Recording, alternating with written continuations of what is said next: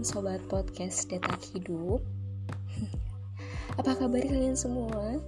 Semoga sehat selalu, sehat mental, sehat fisik, sehat hati canda hati Gimana gimana? Kalian udah buat perubahan apa aja hari ini? Atau malah capek scroll-scroll TikTok mulu seharian? Atau ada yang lagi galau? Eh, Gak apa-apa, gak apa-apa. Setiap orang pasti punya kondisi dan suasana mood yang berbeda-beda tiap hari kok. Gak bisa dipaksa sama. Tapi intinya, kalian harus sadar bahwa menjadi pribadi yang produktif dan progresif itu merupakan suatu hal yang sangat baik.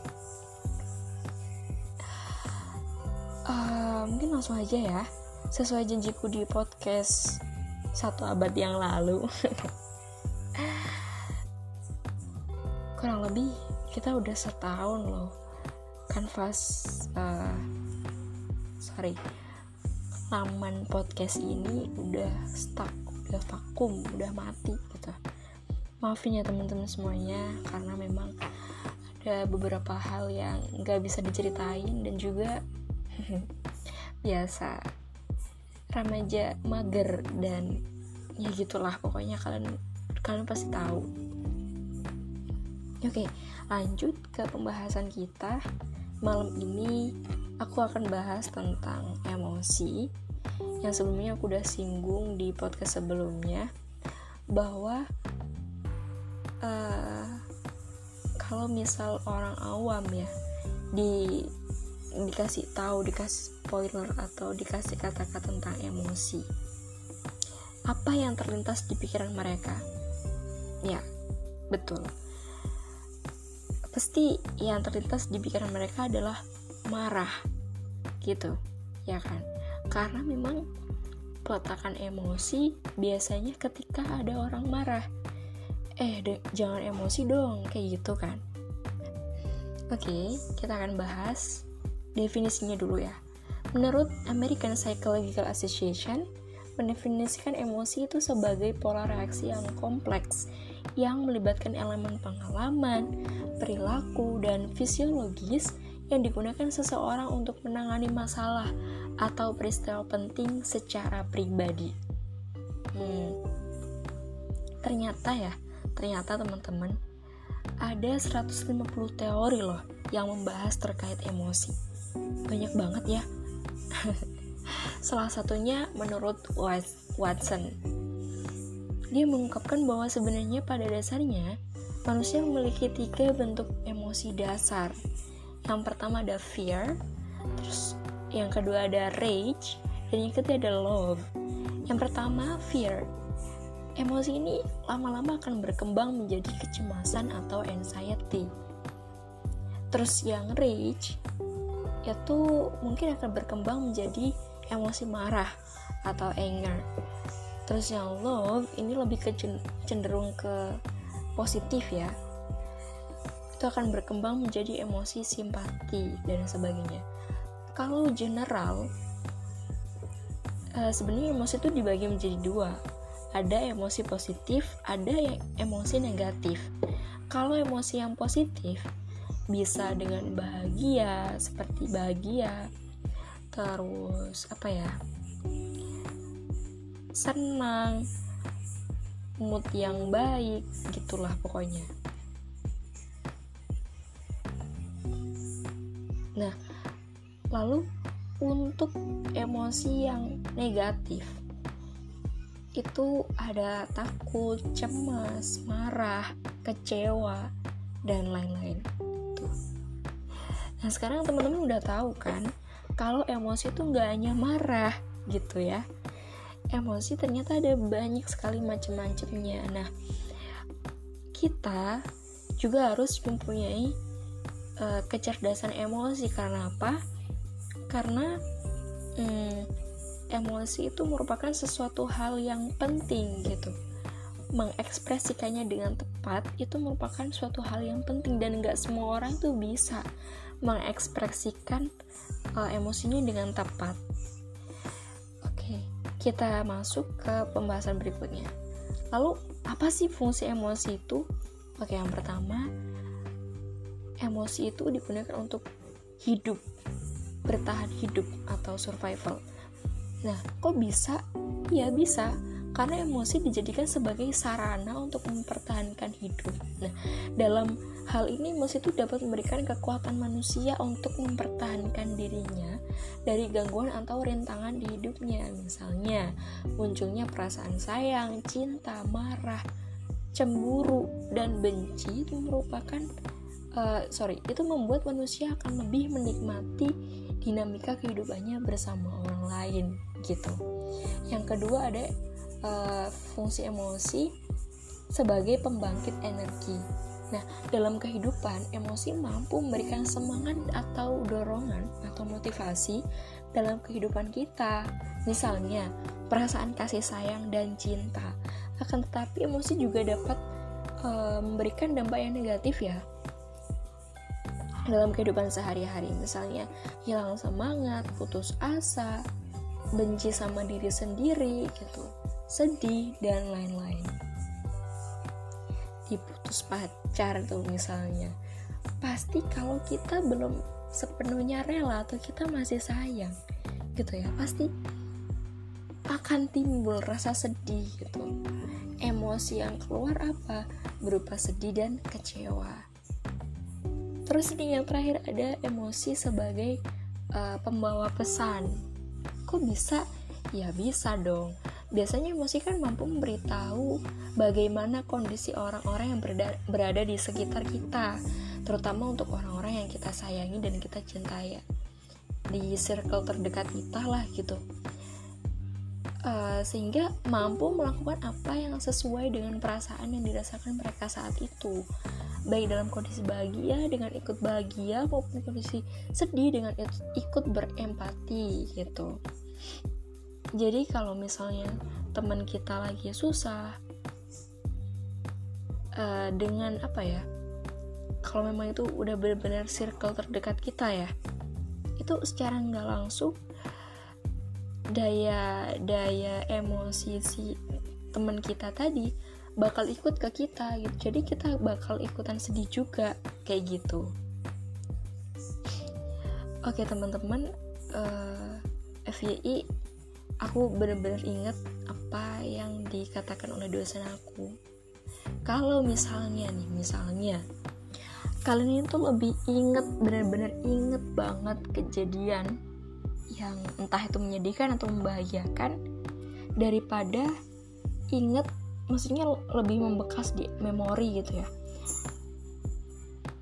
Daripada uh, apa namanya pelajaran gitu atau hafalan gitu kenapa yang lebih membekas atau yang paling ngena di memori itu yang kejadian-kejadian itu tadi?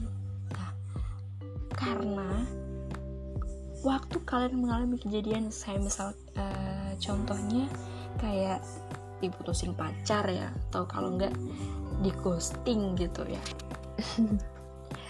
Itu uh, pasti kita bakal terus-terusan mengingat gitu mengingat entah 10 tahun, 20 tahun ke depan, kita pasti bakal ingat situasi itu, momen itu.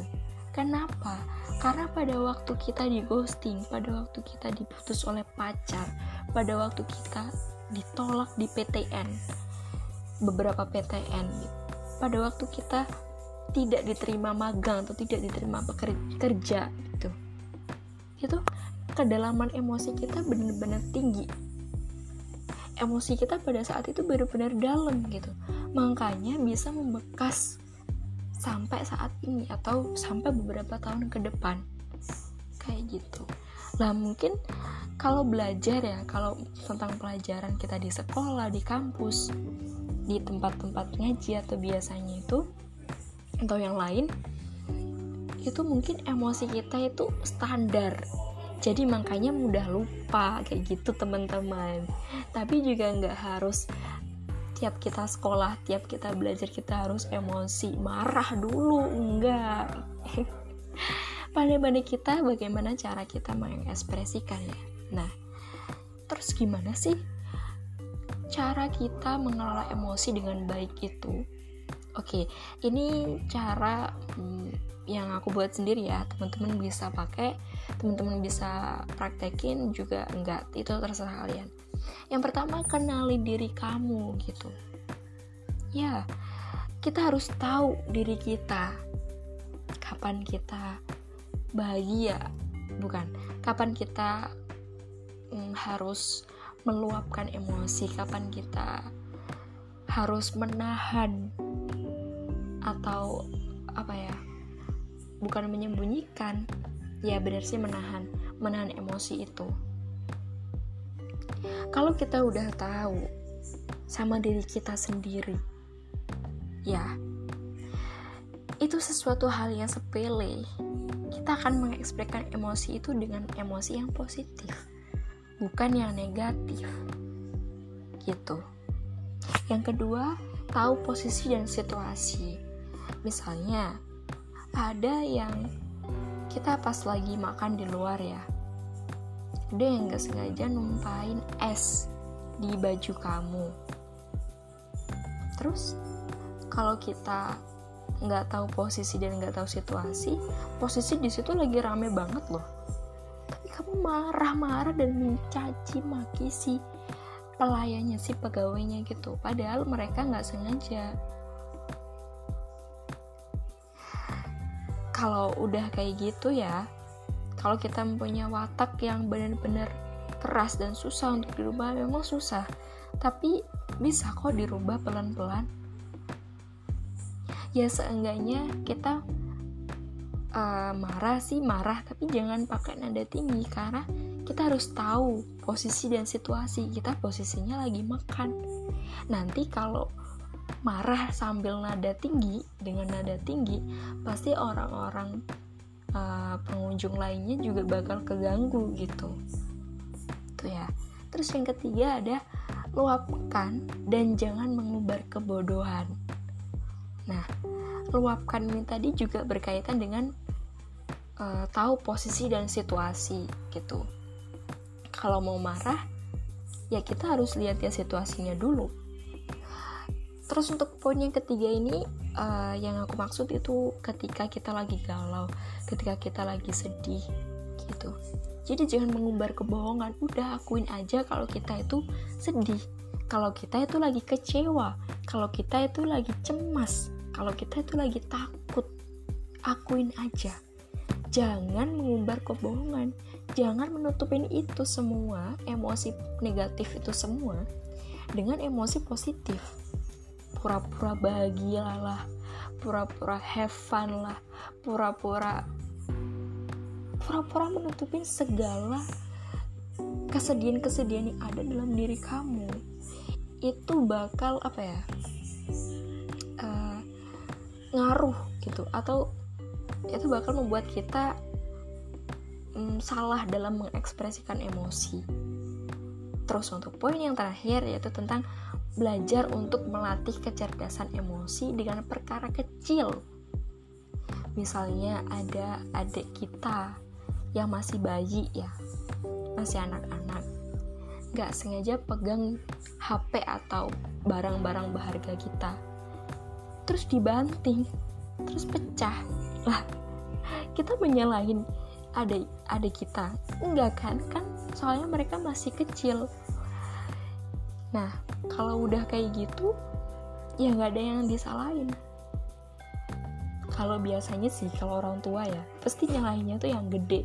Kenapa? Karena ya yang gede tuh yang akalnya lebih main gitu. Otaknya lebih bisa bekerja lebih keras dan udah paham. Oh kalau di benda-benda berharga kita di uh, diletakkan di tempat-tempat yang kayak gini kan bisa dijangkau sama adik-adik kita kan. Nah seharusnya nggak diletakkan di sini gitu. Kan pasti kita bakal kena marah juga. Nah tapi dengan melatih perkara-perkara kecil itu uh, kita juga ada semakin ada perubahan buat bisa um, mencerdaskan emosi kita gitu. Nah teman-teman kenapa sih emosi itu benar-benar penting? Ya karena semisal kalau kita nggak dikasih sama Allah emosi ya kemungkinan kehidupan kita akan benar-benar flat akan benar-benar datar gitu tanpa ungkapan tanpa ekspresi. Sepertinya ya eh, contohnya kalau kita lagi masak sayur tapi tanpa bumbu dapur gimana rasanya iya benar pasti akan hambar rasanya. Kira-kira begitu gambarannya kalau kita nggak punya emosi gitu. Maybe itu saja ya teman-teman yang biasa aku sampaikan. Hmm.